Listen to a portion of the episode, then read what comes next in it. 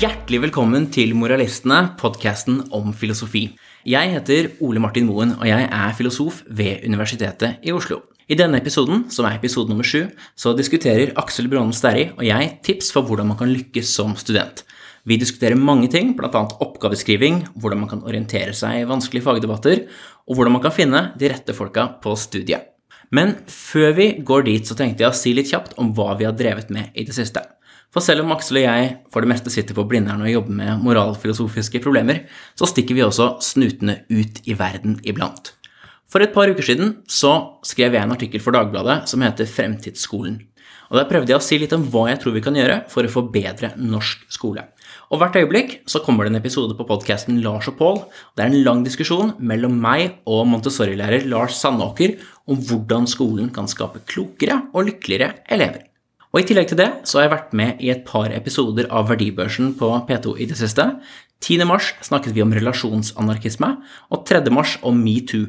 Og rett før jul, 30. desember, så snakket vi om den amerikanske antiteknologiterroristen Ted Kaczynski, også kalt The Unabomber, og hans verdensbilde. Så sjekk ut det hvis det virker interessant. Aksel var på Ekko på P2 8. mars og snakket om hevn, og han er mye mer aktiv i sosiale medier enn jeg er, så du bør følge ham på Facebook og Twitter. Og i tillegg så bør du jo selvfølgelig følge podkasten vår, da, Moralistene, også på Facebook og Twitter. Ellers fra filosofiverden så vil jeg nevne for dem som ikke har fått det med seg, at Morgenbladet har begynt med en logikksjekkspalte med to skikkelig bra filosofer på Universitetet i Bergen, Ole Hjortland og Pål Antonsen. Og Det de gjør der, det er å sjekke den logiske sammenhengen i argumenter i offentligheten. Så dette er ikke faktasjekk, det er logikksjekk. De har to spalter ute foreløpig som er veldig klare, skarpe og relevante, og du kan lese mer om dem på logikksjekk.no. Så det var det. Her kommer tips for å lykkes som student. Når var det du begynte på universitetet? Høsten 2006. Ikke sant? Det betyr at da har vi begge vært over 10 år, 12 år for deg og egentlig 14 år for meg på universitetet. Eh, og nå har vi plutselig begge to havnet på den andre siden av kateteret. Og vi begge blitt ansatt på universitetet. Eh, og det vi skal gjøre nå, er å spørre oss litt hva er det vi lærte ikke bare av fagene, men lærte om å gjøre det bra som student. Da. Og hva er det vi skulle ønske at vi hadde visst allerede da, og som vi liksom lærte i løpet av, i løpet av studiehverdagen. Og Jeg håper vi kan klare å være ganske sånn konkrete og spesifikke også, se på litt ulike biter av studiehverdagen. Og hva er det egentlig som er lurt? Og man hører jo ofte ellers at man skal ikke fortelle folk hva de skal gjøre. Men vi er jo moralfilosofer. Eh, jobben vår er på en måte litt å fortelle folk hva de skal gjøre. etter det moralfilosofien handler om. Kanskje du skal tørre å være litt sånn konkret og si at det der sånn, det kan være veldig lurt for mange. Mens det der sånn er kanskje ikke så lurt. Så jeg vil gjerne si, bare begynne å spørre deg. da, hva er, det, hva er det du lærte i løpet av studiene som du, som du ikke visste i begynnelsen?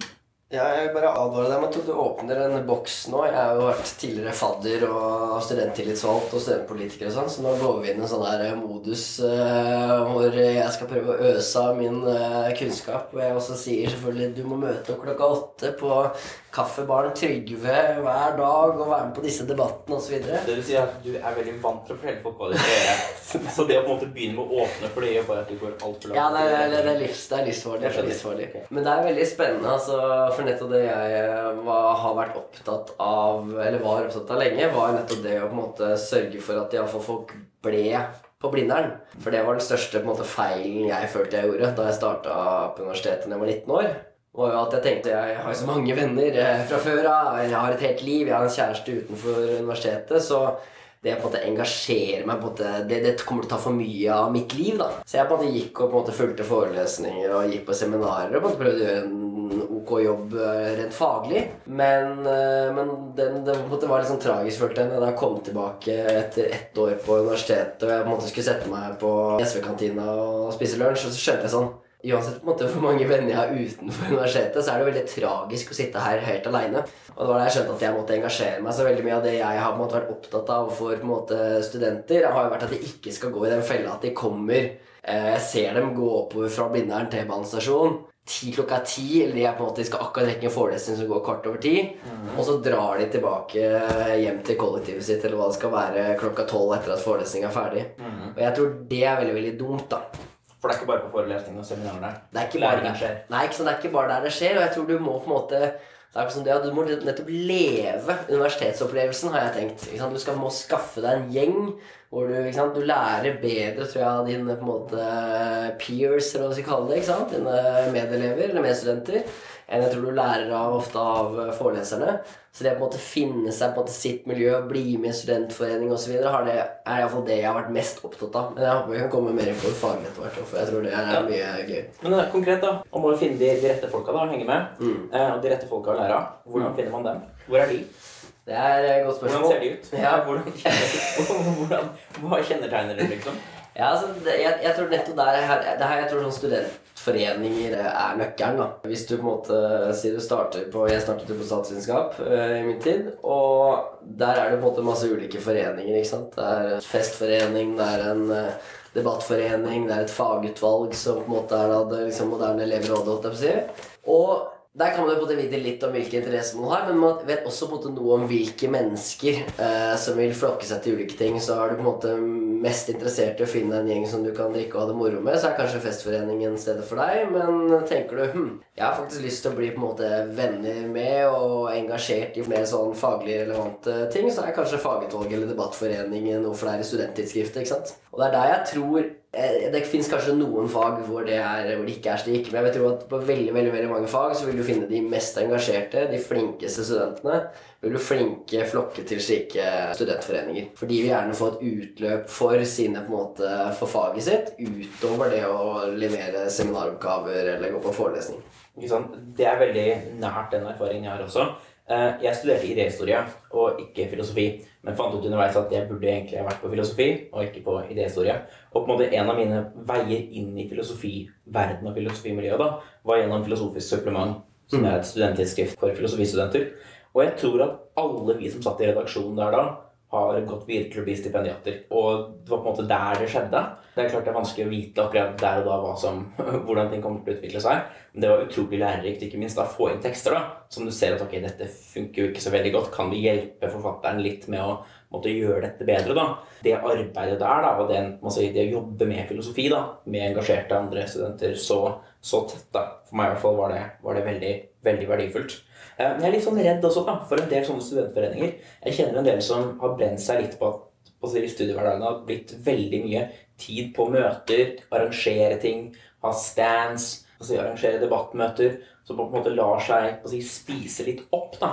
Jeg tenker, eh, på å si, Ja, det er viktig det som skjer utenfor studiene også, mm. men noe annet er jo, det er viktig for gode karakterer. Det kommer litt an på hva du skal videre. Mm. Men det er jo slik at får du stort sett bare A, liksom, så kan du banke på døren til Harvard eller Oxford etter å ha vært på UiO, mm. og du har en god sannsynlighet for å komme inn. Så jeg tenker det å ha gode karakterer, da, det betyr faktisk ganske mye. Mm. Så det er på en måte viktig ikke la seg Det er viktig å finne de arenaene der man finner de rette. Og ikke minst eh, altså, passe på at dette blir noe som ikke egentlig distraherer fra det faglige, men kanskje er med på å bygge opp under det faglige. Jeg tror det er et uh, veldig godt poeng, og det er mulig at jeg gjør det litt for enkelt for meg nå. Men uh, jeg er på en måte veldig for Jeg synes det er en av de viktige innsikt. Det er at det, man tenker ofte på tid som en veldig sånn begrenset ressurs. Og det er helt åpenbart den mest begrensede ressursen vi har. på en måte. Men det er likevel slik at når du finner noe du engasjerer deg for, så er det akkurat som du får tid. Ikke sant? Nettopp det der, Hvis du kommer, hvis du lever av en type sånn idealtype, kan man si, da, ikke sant? hvor du har det ene nettopp livet er hvor du kommer på Blindern bare når det er forelesning, og så drar du igjen, eh, så vil du på en måte Mest sannsynlig så vil det livet være veldig tungt. Du sitter og leser tekster du ikke nødvendigvis forstår. Du, vet, du ikke nødvendigvis forstår nytten av med en gang. Hvorfor leser jeg dette? Hva er det egentlig du vil fortelle meg? Du går på forelesning, og du føler deg litt sånn Det er lett å dette ut. Og hvis du selv når du greide å følge med, så fikk du det ikke helt med deg bearbeide stoffet. Da kan du sitte dag ut og dag inn på lesesalen uten at det nødvendigvis er nyttig. Og så er det noen andre på en måte idealtypen som eh, er nettopp dette engasjerte livet, da. Hvor du er med i studentforeningen, du gjør masse som på papiret eller på en måte du skulle tro ikke var nyttig. da, ikke sant? Sånn, Du sitter med regnskap eller står på stand eller hva det skal være. Og masse av det er ikke nettopp direkte nyttig for å gjøre det bra i studiene dine. Men alt det som skjer rundt det, det at du er en som stiller opp i den foreningen, gjør at du får et ytterligere verv senere, eventuelt du blir en fyr som folk kommer til og går til eh, av dine medstudenter. Dere tar en øl etter at dere har sittet med regnskapet til studentforeningen din. og diskuterer hm, hva var det egentlig foreleseren sa, hva er det egentlig de tekstene her handler om. Og så får du en mye større forståelse for uh, dette faget. Men det er mulig at jeg nå liksom gjør det for enkelt for meg at det ikke er bare en ren vinn-vinn ved å være studentforening. Det er jo folk som blir alkoholikere og detter helt utafor òg. Men uh, jeg tror det er et eller annet som ligger i det derre Og et, et, et, siste poeng der, da. At jeg tror det som kanskje gjorde at du for fikk eh, så stor nytte av det å være i filosofisk supplement, og mange andre får det, er jo at du da ser på det å produsere en tekst på en helt annen måte. Jeg tror veldig veldig mange går inn når de på en måte skal levere en oppgave i et seminar, for eksempel, Så blir de helt fremmedgjort fra hele prosessen, og du ser så mange seminaroppgaver som er sånn Jeg skal finne en teori. Og så finner de bare en tilfeldig teori i pensumet sitt, og så skal de bruke den på et case. Og så finner de et tilfeldig case, og så henger ikke teorien sammen med caset de skal prøve å beskrive. og det bare er sånn, Du skjønner bare at de har fått en sånn overordnet bilde av hva som skal være med i en tekst. Men de har ikke forstått egentlig hva de prøver å gjøre. Og hadde du bare bedt dem om å si Kan ikke du prøve å forklare hvordan dette fenomenet henger sammen? Hvorfor kriger eh, stater med hverandre? så ville de mest sannsynlig, hvis de skrevet en oppgave eller skrevet en tekst for filosofisk supplement, så ville de lurt på ok, hva, en, hva, hva, kan være en god forklaring på dette her. Mens når de gjør det, når de skriver en seminaroppgave, så er det akkurat som de blir dummere fordi de blir fremmedgjort fra det produktet de egentlig leverer. da. Så Det tror jeg er en annen fordel med å både gå inn i eh, disse studentforeningene. At du plutselig bruker den kunnskapen du egentlig har med deg, framfor å bli liksom at du på en måte tror at det er den kunnskapen jeg har fra før av, den må jeg på en måte kvitte meg med. Det er det nye jeg skal lære. Og så gjør du deg dummere enn det du egentlig er. da. Vi kan gå over til skriving, egentlig. da. Altså mm. Skrive oppgaver. Og så Konklusjonen fra det forrige var kanskje da på å si å passe på å drikke nok øl. Eh, ikke for lite og ikke, helst ikke for mye. Mens oppgaver, ja. Jeg også kjenner veldig igjen altså, denne type oppgaver. Litt sånn skoleaktige oppgaver der man liksom skal ja, man skal ha en innledning og en metodedel. Skal man ha en diskusjon av det uten at studenter har det veldig klart for seg. da, Hva er det egentlig er de, er de holder på med når de skriver en oppgave? Og sånn som, eh, Jeg skrev en lærebok i oppgaveskriving som heter 'Essayskriving kort og klart', som ja, en Tidenfyr for sju år siden. Og da prøvde jeg på en måte å samle sammen noe hva er det filosofistudenter kanskje trenger da, for å, for å si, skjønne hva de driver med når de skriver en oppgave. Og det jeg sier der, og som jeg fortsatt er, er, enig med meg selv i, er jo at det man egentlig gjør når man skriver en oppgave, er jo å tenke klart og tydelig og ryddig på papir. Og man, man undersøker et eller annet faglig relevant tema, prøver å forsvare en eller annen konklusjon. Og vise hvorfor dette er den mest rimelige konklusjonen å lande på. Og Det trenger ikke å være en veldig bastant konklusjon om at det er helt sikkert sånn eller helt sikkert ikke sånn. Konklusjonen kan også være at dette vet vi ikke. Men uansett konklusjon så er det på en måte noe som må understøttes og underbygges og forklares. Og For meg virker det som en del sånn, nesten sånn barnesykdommer som en del har når de skal skrive tekster. Du har noen som kommer ut fra videregående skole og har fått gode karakterer, som er veldig gode på å gjengi fakta, veldig gode på å synse og si at 'jeg synes det' og 'jeg synes det', men ikke er gode på å argumentere. Og så har du en del som må ha sin bakgrunn fra ungdomspolitikk og sånn, som er veldig gode til å argumentere. Som i hvert fall er veldig sånn, polemiske da, veldig retoriske. Hvor alt taler for deres konklusjon, og motstanderen er veldig veldig dum. Altså skoledebattutgaven da. Og ingen av de tingene der fungerer jo sånn spesielt godt på universitetet. Så jeg tenker at det man må tenke når man skal skrive en oppgave, er jo at ok, nå skal jeg prøve å redegjøre ordentlig nøye og forsiktig for hvordan vi kommer til den konklusjonen. Man skal ha en metodedel, da. Metode handler jo litt sånn om ikke bare hva man gjør, men hvorfor man gjør det man gjør, på hvilken måte man gjør det man gjør. Og det er jo veldig naturlig. Skal du komme frem til et svar, så må du ha en bit der du diskuterer ok, hvorfor går jeg frem på den måten her sånn. Hvorfor er det relevant? Og på en måte, så er kanskje en del av denne prosessen det handler om å måte, forene den akademiske måten å skrive på med bare si, ens egen slags utforskning av verden. da, Der man ser hvordan alle disse bitene henger sammen til denne større helheten, som kan forklare hvorfor du havnet på den konklusjonen. Jeg tror Det er interessant med det her eh, med, med, med skriving. For det som mange hører her på universitetet, er jo at de, de ikke de ikke skal tenke selv. Altså Det er iallfall det de tar med seg av det de får av, uh, får av beskjed fra seminarleder. hva Det skal være Det er jo tragisk. Ja, det er veldig tragisk. ikke sant? Og, uh, men det kommer nok av altså det som de nettopp tolker som 'ikke tenk, ikke tenk selv', 'ikke bruk deg selv', eller på en måte ikke bruk dine egne evner, er egentlig en beskjed som sier ikke bare syns. Mm. Så når du på en måte skal argumentere for en eller annen påstand ikke sant, om uh, Ta ta for eksempel Bør uh, homofile få lov til å adoptere barn? da ikke sant, så er det sånn Du skal åpenbart ikke si Nei, altså, jeg syns jo Jeg syns jo det er helt greit at homofile får adoptere barn, fordi homofile er jo helt ålreite folk, det, liksom. Og jeg syns, jeg syns jo at det, er, det bør være helt greit. Mm. Det er ikke en kjempegod argumentasjonsrekke. Eh, og det er nok det på en måte seminarledere ofte gjerne vil at studentene skal kvitte seg med. Men så ender det med at de ikke lenger tør å si Ok, bruke sitt eget hode. Fordi sant, mange, Man befinner seg i mange diskusjoner hele tiden hvor man nettopp er egentlig bedre på en måte vitenskapsmenn eller bedre vitenskapsfolk eller filosofer enn det de greier å være når de skriver disse tekstene på universitetet. Du satte opp en fin sånn måte å tenke på det på. Men det er jo egentlig en formalisering av en måte som vi allerede beveger oss rundt i verden. ikke sant? Vi er både, liksom bare Barn er jo utrolig flinke sånn hypotesetester. ikke sant? Du, de mister ting på bakken for å, eller slipper ting på bakken for å se om det faller, og se om foreldrene reagerer med å ta opp eh, på å hente opp tingene sine. Så det er på en måte Vi har allerede de tingene vi trenger i oss for å skrive gode tekster, tror jeg. Men vi nettopp blir fremmedgjort fra hele prosessen. Og da trenger man kanskje noen gode råd på veien, som øh, du gir i boka di, blant. Jeg, jeg- tror også noe av, kanskje, kanskje litt av problemet også er at man ikke kommuniserer så tydelig til studentene alle de tingene som vi ikke vet. Eh, Det er veldig mange ting vi ikke vet, som vi ikke vet eventuelt konsekvensene av hva vi gjør. Altså diskusjonen for om adopsjon og homofile, f.eks. der vil de aller fleste si at det, det bør de. Men det finnes argumenter som taler begge veier i den saken. Det er ikke helt gitt hvor man nødvendigvis skal lande. Og da må man spørre seg nettopp, da, okay, hva, hvis vi skal diskutere det spørsmålet, da. Okay, hva, hva mener vi med homofile? Mener vi noen som er gift med noen av samme kjønn? Noen som bare er homofile uten at de gjør noe med det? Hva, hva er det egentlig vi mener? Hvordan kan vi finne ut av det? Hva kan være de relevante altså, grunnlag og er, er tallgrunnlag viktig her? Eller er det noe vi kan avgjøre bare rent moralsk, liksom? Uten at man egentlig trenger å se på data? Eh, I så fall, hvorfor det? Altså Man kommer på en måte inn i nettopp det som er en metodediskusjon. og Man setter seg ned og finner ut av ja, hvordan, hvordan går, vi, går vi egentlig frem for det er sånn. Men jeg tror selv om man tenker sånn, så er det litt sånn overveldende da, å skulle på en måte ha kanskje opp mot 1000 sider av pensum, kanskje mer også, i et kurs.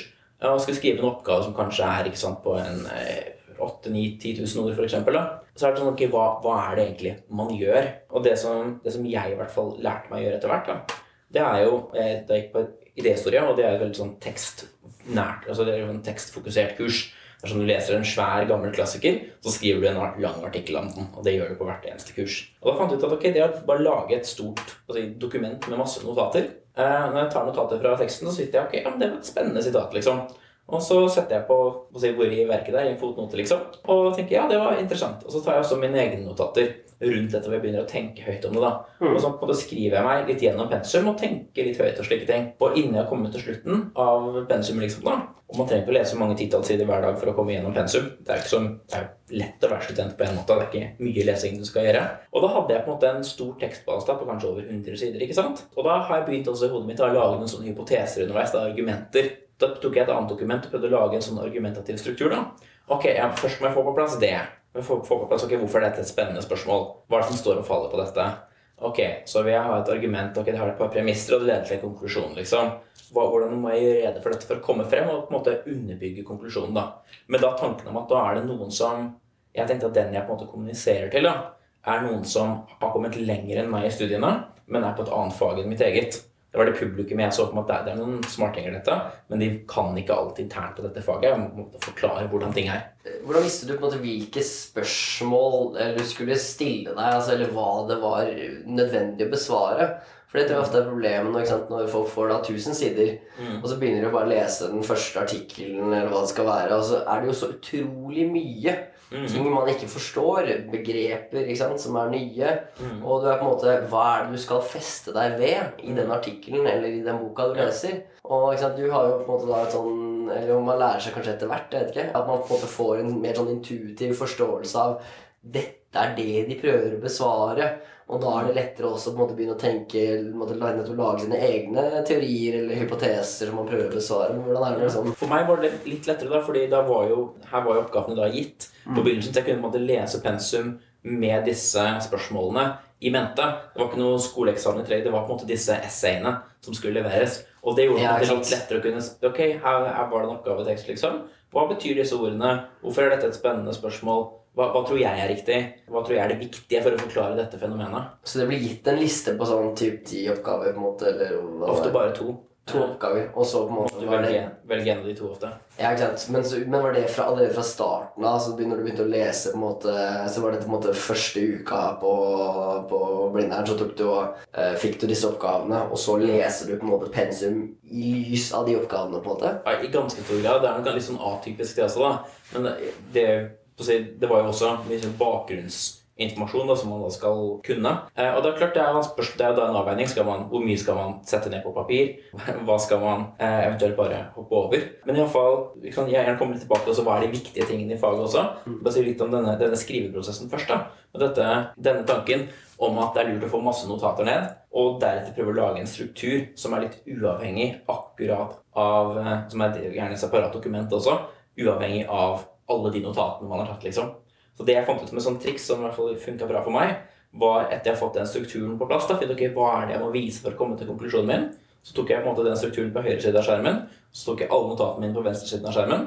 Og så gikk jeg ned gjennom alle notatene mine og spurte ok, hvor i denne strukturen er det dette hører hjemme. Så tok jeg det bare tak i det og bare dro det over med, med referansene og alt sammen inn der det hørte hjemme i strukturen. Hvis det ikke hørte hjemme i strukturen, så hørte det jo ikke hjemme. Da bare lot jeg det stå, for da var det ikke noe som var relevant for denne oppgaven. Og det var på en måte en måte å få dette inn på, og få samlet dette til en stor, eh, veldig komplisert struktur da også, da.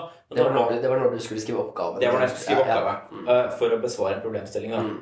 Og da fikk jeg jo et langt sånt dokument der alt på en måte var på rett plass. da. Og så var på si, det siste jeg på en måte lærte meg med det, var på en måte at ok, man må skille mellom å skrive og redigere. Så da satte jeg meg ned og tenkte ok, nå har jeg på en måte fem timer på meg. Nå skal jeg skrive meg gjennom denne teksten. Da skal jeg ikke prøve å gjøre det bra nødvendigvis. Jeg skal ikke korrigere meg selv hele tiden. Jeg skal bare skrive og komme meg gjennom. Altså Jeg må redigere og flytte rundt på ting, men da skal jeg på en måte prøve å lage en sammenhengende tekst av alle disse notatene. Og prøve å gjøre det uten å være altfor selvkritisk. Og så dagen etter prøve å være kritisk igjen. Og prøve å på en måte flikke på ting. Og sjalte litt mellom de to tingene. da, Og være på en måte veldig selvgod og tenke at ja, dette går kjempebra. Og gå tilbake til å være, være mer, mer kritisk og gå frem og tilbake sånn. da, Egentlig så mye jeg hadde da tid til da, før innlevering. Eh, Men det er jo da så Nå gikk jeg jo litt videre fra spørsmålet om okay, hvordan finne ut hva som er viktig. Har du en tanke om det? Hvordan lærte du hva som er viktig i et fag? Nei, jeg, tror det tar, jeg tror det tar lang tid. og Det som er kanskje litt vanskelig når vi sitter på det i etterkant dels og på en måte skal eh, prøve å gi råd til en ung student. på en måte. Jeg har jo på en måte alltid sagt at eh, man må lese for eksempel, les veldig fort. Og det, jeg tror det er et godt triks.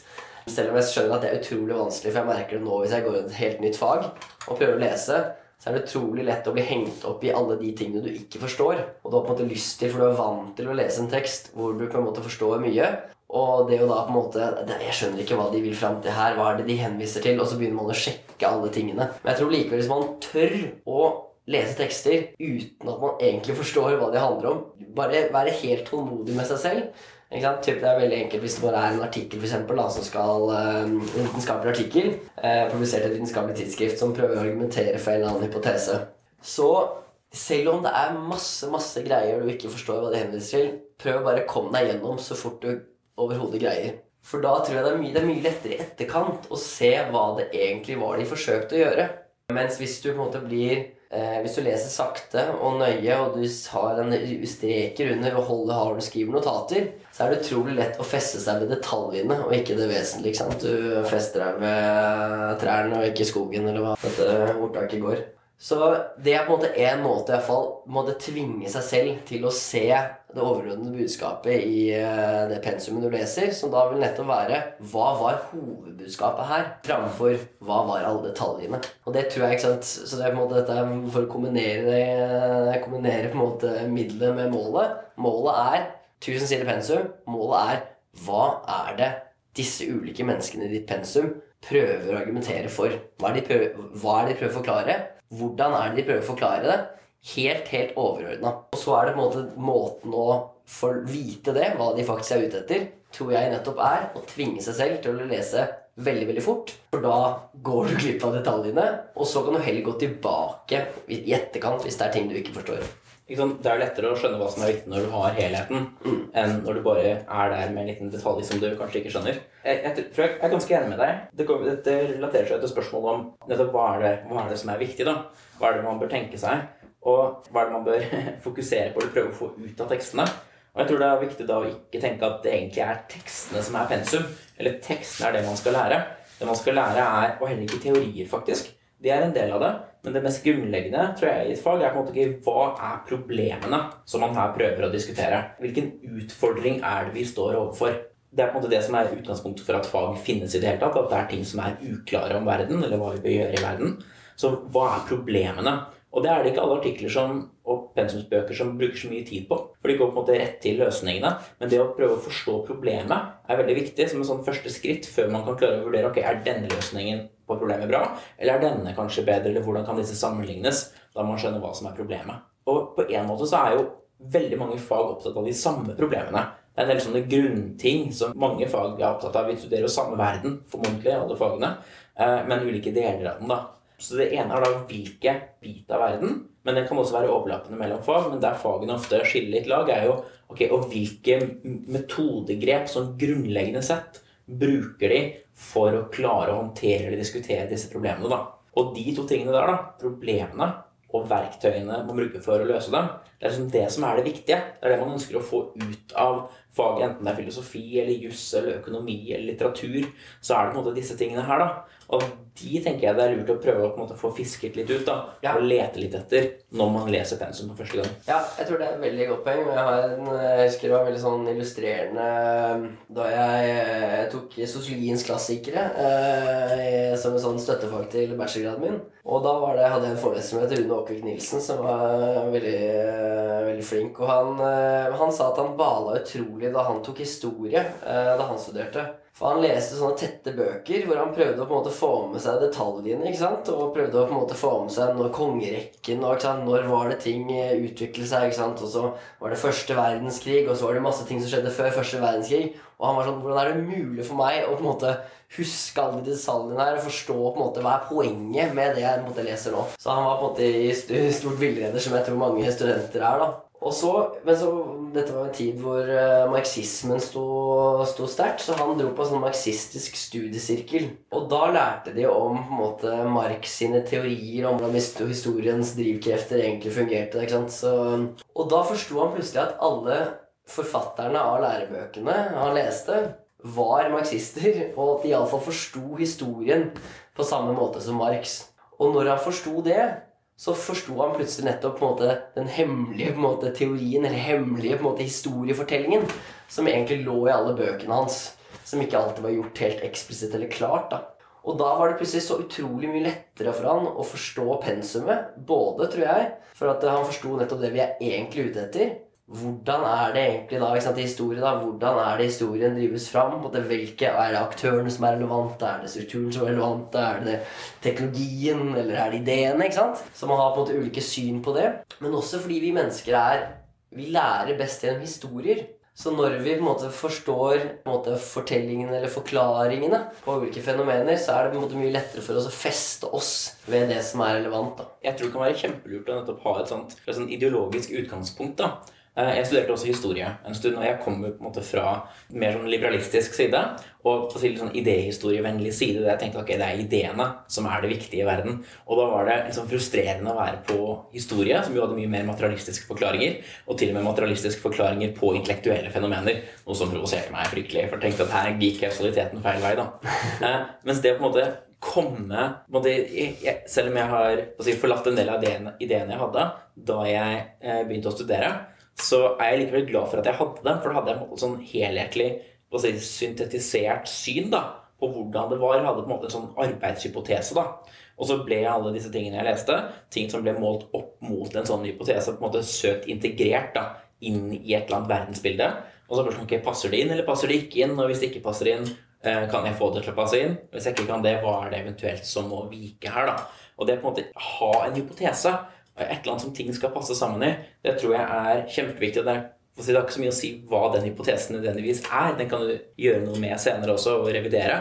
Men å ha dette litt sånn verdensbildebyggende, eller prøve å forstå samfunnet, eller ha et eller annet, et eller annet sånt, sånt, perspektiv på det, det tror jeg er, er veldig nyttig. Jeg tror det er veldig, jeg tror det er veldig godt poeng. Og jeg har sett på sånn at du har sånne knagger ikke sant? Og er, når du har på en måte knaggene klare i hodet ditt, på en måte ja. eh, måter å passe inn det du leser på disse knaggene, eller henge, henge, de tingene du leser på disse knaggene, så er det så mye lettere å få med seg hva som faktisk skjer. Uh, og det er dette jeg tror Hvis du har vært borti han der um, Han heter bok som skriver om memoen, sånn, sånn, han er sånn husketeknikkekspert. Og han lager sånn her, han ber deg lage når du skal på en du kan, Eller hans poeng er at du nærmest i løpet av to uker så kan du på en måte få en ganske god karakter på en eksamen.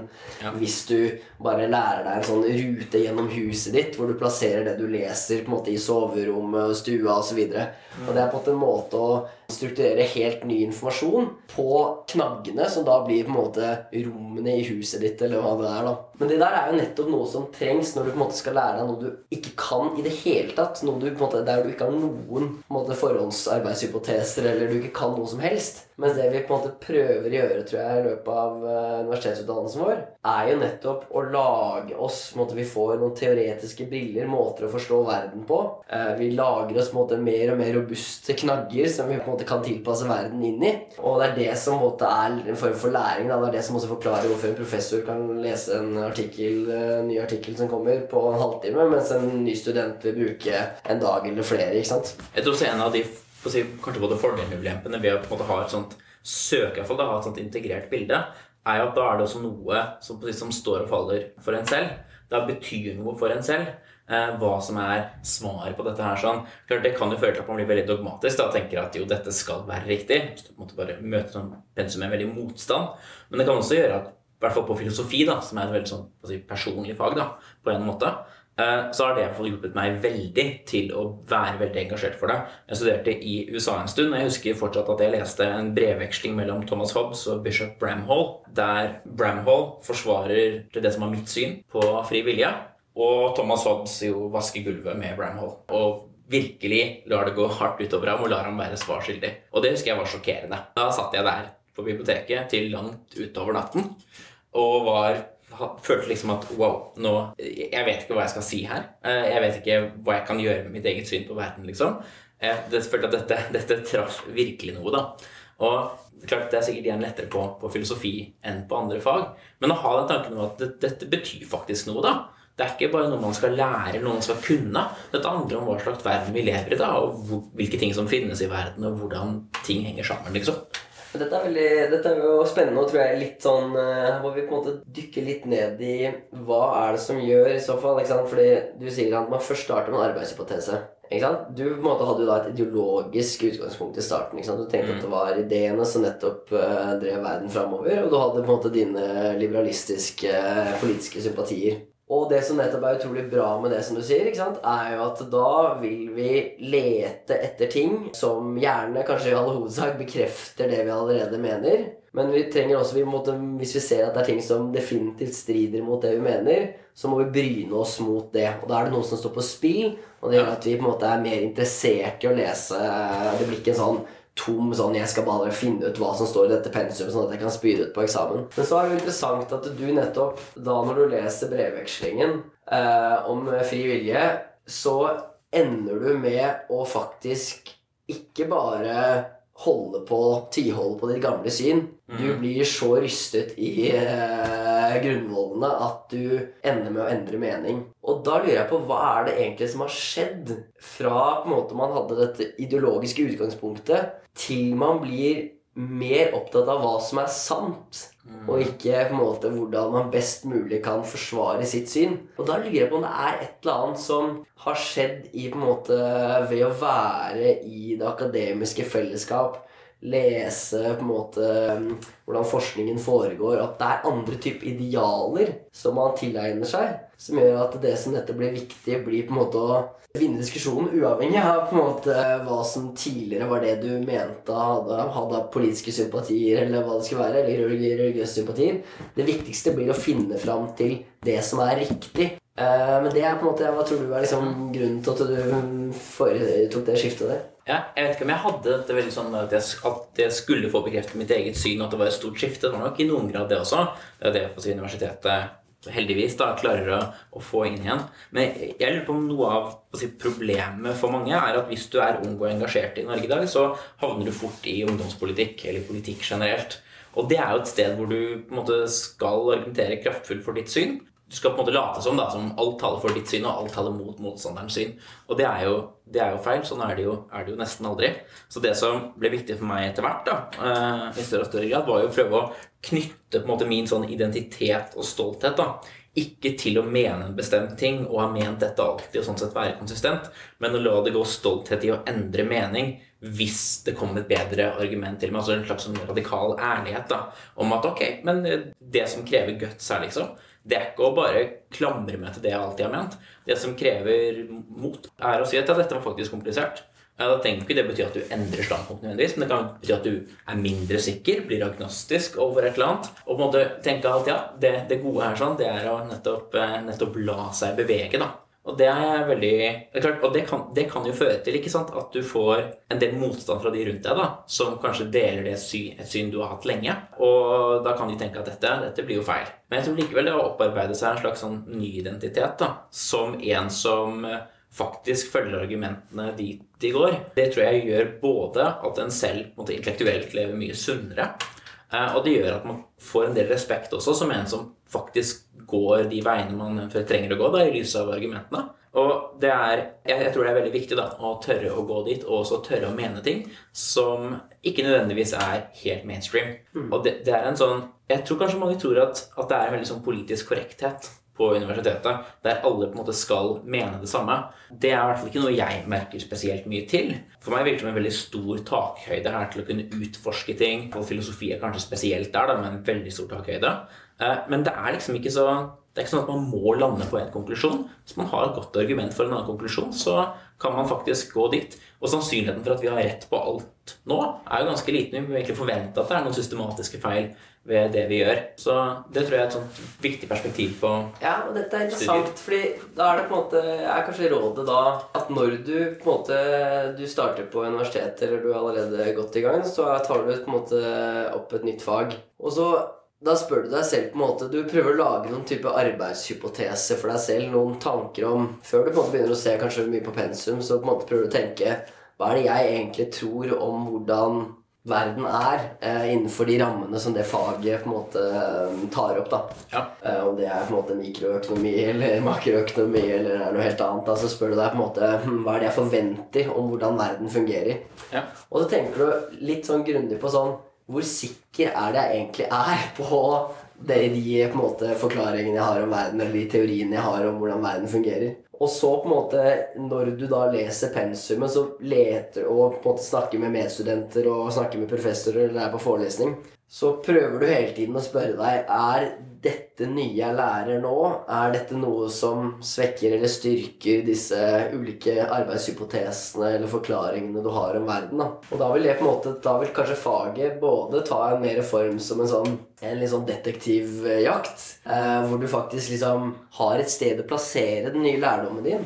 Ja. Og hvor du sånn sett også blir klokere underveis med Og må da selvfølgelig være åpen for at det, de forklaringene du en gang hadde, som var de du trodde du hadde før du starta å lese deg opp mye og så videre, at de kan forkastes. Men det var kanskje også noe visdom vil du kanskje se da, at det var noe visdom i de teoriene du hadde om verden før du startet på faget. Og det kan kanskje etter hvert også bygge en type selvtillit mm. om at eh, jo, ditt, kall det pre-universitets-jeg, eller pre akkurat dette faget deg, hadde en del kompetanse og innsikt som du kanskje hadde gått glipp av hvis du bare kastet deg rett inn i pensumbøkene og på en måte lot dine egne teorier bli blandet sammen med det, det du lærte. da.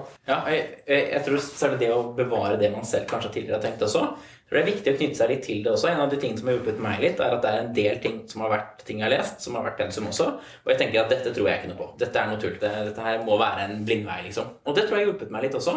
For det er lett å på en måte bare akseptere begreper, akseptere måter å tenke på, og så bare hoppe inn i dem og bare si, gå med strømmen. da. Mm. Men også tenke at nei, dette går jeg faktisk ikke med på. Jeg tror ikke man kan diskutere slik. Jeg tror dette er en feil metode som kanskje mye av faget holder på med. Ok, Jeg må skjønne hva den sier, hva er denne metoden er, mm. men jeg tror faktisk ikke noe på det. Og det er en sånn holdning som kanskje ikke er så vanlig blant studenter, men som er ganske vanlig blant professorer. Og tenke at det her er en hel bit av faget som jeg faktisk ikke tror på, som jeg tror er en, er en blindvei. Jeg tror det er veldig For jeg merker altså Det er ikke bare når man er student, men også jeg, nå som jeg har startet et nytt fag her i filosofi, da, så er det på en måte Er det noe med, Når du prøver å lære deg, ikke sant, så prøver jeg å lære meg noe om metatikk. Som hvordan, eh, og hvor er det vi eh, Fins det moralske sannheter? Hvordan er det så vi kan få tilgang til de, osv. Så, videre. så istedenfor at man, jeg har satt meg ned og prøvd å tenke hm, Hva er det jeg egentlig mener om dette utgangspunktet? Hvordan er det, hvilket måte, Når jeg prater om moral, eh, hvordan er det jeg egentlig gjør det? Hva er det jeg mener med det? Hvordan passer dette inn i mange andre ting jeg mener? Så går jeg rett inn og prøver å lese på en måte da, ikke sant, noen spesifikke folk i denne litteraturen. Og så da tar jeg inn et nytt vokabular på en måte uten at jeg selv nettopp har på en måte gjort meg opp den meningen. Og da blir jeg på en måte Jeg merker på en måte at jeg har da lært noen nye begreper om desires og hva det skal være, som egentlig ikke sitter spesielt godt med i min egen måte å tenke om moral på. Da, da blir det en sånn dobbelt lag. Vi har på en måte ting jeg liksom mye sterkere mener, for jeg lever i det hver dag, og jeg på en måte krangler jo om måte hva som er rett og galt, og hva du bør gjøre, og hva jeg bør gjøre, hele tiden. Og så får jeg et ekstra lag på siden som er på en måte teorien som jeg lærer på universitetet, på en måte, ja. som ikke nødvendigvis snakker sammen med på en måte det jeg vanligvis tenker. da. Og det gjør at du, jeg tror man, man får et dårligere um, forhold til også Og man forstår mindre av eh, de, de, tingene man leser, og ser ikke at dette her er måter Dette skal på en måte hjelpe deg å tenke klarere om fenomener. Uh, så blir det mer sånn en ting du kan gå til for å på en måte gjøre det bra på eksamen, eller for å skrive en god essay, og så tar du det ikke med deg videre. Og det tror jeg er Da vil du heller ikke lykkes spesielt godt i, i akademia. Ja. Ja, Det er viktig å holde øynene på, på si, veien eller på verden der ute, og ikke på teoriene. egentlig, ikke på det som et mål i seg selv. Målet er å skjønne verden der ute. Det, samme Desire er et godt eksempel også på hvordan jeg selv har tenkt om dette. her da. Jeg tror ikke desires finnes. I eh, hvert fall ikke på en slik måte som de brukes i filosofien, som en veldig grunnleggende del av vårt på si, mentale inventar. da. Det er noe som veldig mye analytisk filosofi tar for gitt, og jeg tror faktisk ikke at de finnes i en slik forstand. Det finnes de tingene vi kaller desires, finnes i noen forstand, men de er liksom ikke en, en, enhetlig gruppe av ting. Og det gjør jo at man må lese ting ganske annerledes når man hele tiden må si, holde i mente at dette det er ikke sånn jeg tror det må formuleres. Så en måte å kanskje komme seg dit på da, kan jo være å finne noen teoretikere som man faktisk liker godt, og som man kan lese, og som faktisk kan hjelpe en med å orientere seg i verden, og som også kan hjelpe en til å kategorisere og forstå da, de andre på feltet. Og da er det viktig at man ikke bare blir den teoretikeren da, og blir med i fanklubben der, men også går videre også, men kanskje bruke det som et sånt utgangspunkt. da, Noe som liksom deler litt av ens syn på hva som er viktig, og hva som, hva som er interessant. Så det på en måte å finne noe man kan være litt sånn fan av. da, Ikke sånn at man er helt på heia-team for dem, liksom, men noen man tenker at ja, vedkommende har faktisk en, en forståelse eller en tilnærming da, til dette som jeg klarer å forholde meg til. Det tror jeg er sunt. Det, det, tror jeg òg. Og jeg har alltid Jeg vet ikke hva du syns om det. Fordi mange leser jo lærebøker. Og jeg har alltid vært utrolig sinna på lærebøker. For jeg føler at de er nettopp noen som presenterer ting på et sånt utrolig sånn platt og måte lite argumenterende måte. At det er sånn Her har vi alle disse ulike teoriene. De er uenige. Og så er det akkurat som du på en måte er litt sånn Ok, ja, så de er uenige, men hva gjør jeg med på en måte Ok, men hvem er det som har rett her? Hva er det du mener? At, ikke sant? For du får ikke vite hva på en måte lærebokforfatteren er iallfall sjelden. For du vet hva de mener om dette her. Og da blir det en utrolig sånn fremmed måte å lese på. Så hva vil du si sånn Dette gjelder åpenbart ikke alle fag, men eh, jeg har egentlig alltid vært sånn Dropp læreboka. Prøv å lese noen som faktisk argumenterer for en posisjon, og så prøver du heller å lese noen som argumenterer for en annen posisjon. Blir du klokere om hva de faktisk mener, og hva som står på spill, mm. enn hvis du på en måte prøver å på en måte navigere deg i feltet ved å lese denne læreboka. Den kan kanskje en som, som det siste du leser, framfor det første. Jeg vet ikke hva er din erfaring med det Ja, eh, jeg har ikke vært sånn veldig glad i lærebøker, egentlig. Eh, men det er viktig å finne på si riktig lærebok. da, så skal man På filosofi for eksempel, så er det jo noen sånne innføringsbøker som er ganske bra. Thomas Nagel, mm. What Does It All Mean, er noe sånn kort og enkel og grei. Simon Blackburn er en som heter Think, tror jeg, noe slikt noe. Man så på en måte syr ting sammen på en grei måte. da. Mm. Men har du først en dårlig lærebok ikke sant, som bare name-dropper masse, som bare ikke forklarer hvordan de ulike teoriene egentlig henger sammen. Jeg husker jeg studerte pedagogikk, PPU, så var det nesten bare lærebøker. For det all hovedsak lærebøker, Og de var helt forferdelige. Du skjønte ikke hva var problemet de prøver å løse. Du skjønte ikke hvordan det er rimelige måter å løse det problemet på. For masse ulike teorier presentert samtidig. Så det er uklart om det er teorier på samme nivå eller ikke. Og så er det teorier om det samme. Eh, og bare en massevis av navn og massevis av begreper som man på en måte bare får kastet på seg, da, uten at de er verktøy for å forstå verden videre. Men, men, men det er klart, én ting er lærebøker, noe annet er fagartikler. Jeg tror det er veldig lurt å ha et fokus på fagartikler. Spørre foreleseren ok, hva er de sentrale tidsskriftene innenfor dette feltet. Tidsskrifter er måte, de er jo de foraene der professorer deler med hverandre, eller forskere iallfall, deler med hverandre de tingene som eventuelt er nytt innenfor sine fag. Der prøver de å finne ut av nye ting. Jeg tenker litt på det å undervise. Egentlig alt det man gjør på universitetet, undervisning. Man kan undervise studenter, masterstudenter, og man kan undervise andre forskere. Å undervise andre forskere, det er å skrive i tidsskrifter. Eh, og da må du være presis og konkret og veldig si, etterrettelig. Og det er på en måte tidsskrifter som er litt av det bærende da, for det universitetet driver med. Så det å begynne å lese tidsskriftartikler, følge med på de sentrale tidsskriftene, som en foreleser kan fortelle en hva, hva er, forhåpentligvis, og, så det er på en måte ett sted å kunne titte, og da finner man ofte en del ting som kan være ganske forståelige. Og så er det også slikt som innenfor filosofi, da, så har du slike ting som Stanford Encyclopedia of Philosophy, som er ganske bra. Du har jo sånn som Internet Encyclopedia of Philosophy, eh, som er ofte mer forståelig. Og da tidsskrifter sånn som Philosophy Campus for eksempel, som også gir sånn oversikt over hva er det som skjer i de forskjellige debattene. Og det å bruke litt slike ting da, tror jeg kan være vel så bra som å bruke, bruke lærebøker. Det er et godt poeng. Og, jeg tror likevel at det er sånn eh, Da ser jeg på en måte, jeg kan merke det litt på meg selv også. Når noen ganger jeg prøver, tenker jeg sånn Jeg går til Stanford Encyclopedia og tenker herregud, her er det så utrolig mye bra. Her skal jeg bare lese meg opp på de store linjene i filosofihistorien. Og så printer jeg ut artikler på artikler eller laster dem ned på iPaden. Og så merker jeg at jeg bare Åh, nei, det her går ikke. på en måte, Jeg er ikke motivert av det. Mens derimot, hvis jeg befinner meg i en eller annen diskusjon, eller hva det er, da, hvor noen uh, på, en måte, måte presser meg på et eller annet, hvor jeg plutselig finner ut at herregud, det her har jeg jo ikke virkelig tenkt på, så er den der leteprosessen der hvor jeg da har blitt måte, tvunget til Ok, herregud, nå må jeg inn og lese den artikkelen på Stanford Encyclopedia om det. Og så må jeg kanskje gå videre for å på en måte finne ut enda mer, så jeg kan på en måte forsvare det prosjektet jeg driver med her, her i denne diskusjonen. da. Og det er kanskje en annen fordel nettopp med som vi var inne på i starten, dette med studentforeninger og slike ting. da, at Hvis du én eh, har blitt satt fast i en diskusjon på puben dagen før, Mm. så har du et helt annet på en måte, insentiv og en helt annen motivasjon for å sette deg ned for å på en måte, virkelig på en måte, lete etter hva er det egentlig som er sant her. Og det å sette seg selv i situasjoner, eh, om det er å skrive tekster, enten da for det lokale studenttidsskriftet eller eh, delta i debatter med medstudenter eller andre på Facebook, eh, eller det er å skrive innlegg i avisen for den saks skyld, hvor det er på en måte noe som er på spill hvor du har på en måte satt deg i en situasjon hvor det på en måte blir viktig for deg å forstå det du driver med, det tror jeg kan være lurt. som en måte, på en måte Både at du får en større viktighet faktisk det du gjør, men også at det, det er en form for sånn gaming av eh, studien din. da. Og klart, Én ting er måte viktigheten internt i faget, men hvis det man prøver å forstå på en måte er verden, da, eller samfunnet for øvrig, liksom, så er det spørsmålet hvordan er det man som student forholder seg til en litt sånn større samfunnsdebatten. da. Eh, det får bli det siste vi, vi, går inn på i denne episoden. Og, jeg vil avslutte med det, Hvordan er det man kan orientere seg i verden? Hva, hva bør man lese? Bør man høre på noen podcasts? I så fall hvilke?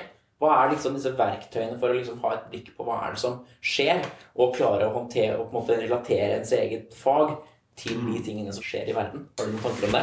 Eh, ja, det er et veldig godt spørsmål. Det er jo veldig eh, Jeg tror det er, Man må kjenne litt på hva er det folk rundt en er opptatt av. Jeg tror det er veldig veldig vanskelig. Det er noen få som greier å eh, på en måte drive et eget prosjekt hos seg selv, som er, på en måte skal være det optimale prosjektet. Hvor de på en måte følger eh, sant, de viktigste forskerne innen feltet sitt på Twitter, eller hører på noen spesifikke podkast som ingen andre hører på. og sånn men så driver de på en måte og bygger sin egen kompetanse på den måten. Men de fleste av oss er sosiale dyr, mm. så på en måte svarene vil avhenge veldig av hva er det andre som du kommer til å prate med den dagen på en måte, i løpet av på en måte studiehverdagen din. Hva er det de faktisk gjør? Og det å på en måte koble seg på og nå det samme tror jeg er veldig veldig lurt. Mm. Men likevel så tror jeg det er noen sånn generelle tips. Og det er nettopp det jeg har utrolig glede av å følge nå på en måte spesielt uh, noen av de flinkeste forskerne innen økonomi, filosofi, statsvitenskap, andre fag, som er på Twitter, og som diskuterer faget med hverandre. Det kommer ut nye artikler som så blir kritisert av fagfelt, og dette skjer live foran deg. Du kan følge diskusjonene, du kan delta i diskusjonene til og med. Det har jeg utrolig stor glede av. Da får en helt annen innsikt i på en måte eh, hvorfor disse nettopp metodene Hvorfor, hvorfor, har de så lange altså, er det, Hvorfor er dette på spill? Dette er jo selvfølgelig fordi du beskriver virkeligheten på en bedre måte. Og de kritiserer hverandre på en måte nettopp utrolig godt. da For det andre så er det nettopp podcaster, som jeg vet ikke om vi skal gå gjennom en liste jeg hører på. Kan du ikke bare si to-tre to, stykker som du hører på, som du får mye ut av? Ja, jeg er utrolig glede av en podkast som jeg håper har blitt bedre. Ellers har jeg blitt libertarianer i løpet av de siste fem åra. Og det er Econ Talk, som er da en liberalist som heter eh, Russ Roberts, som også er eh, Han er en sånn østerriksk økonom. Er veldig glad i Friedrich Hayek. Og han har da en time samtale med en annen, gjerne en professor i økonomi eller eh, noe tilgrensende.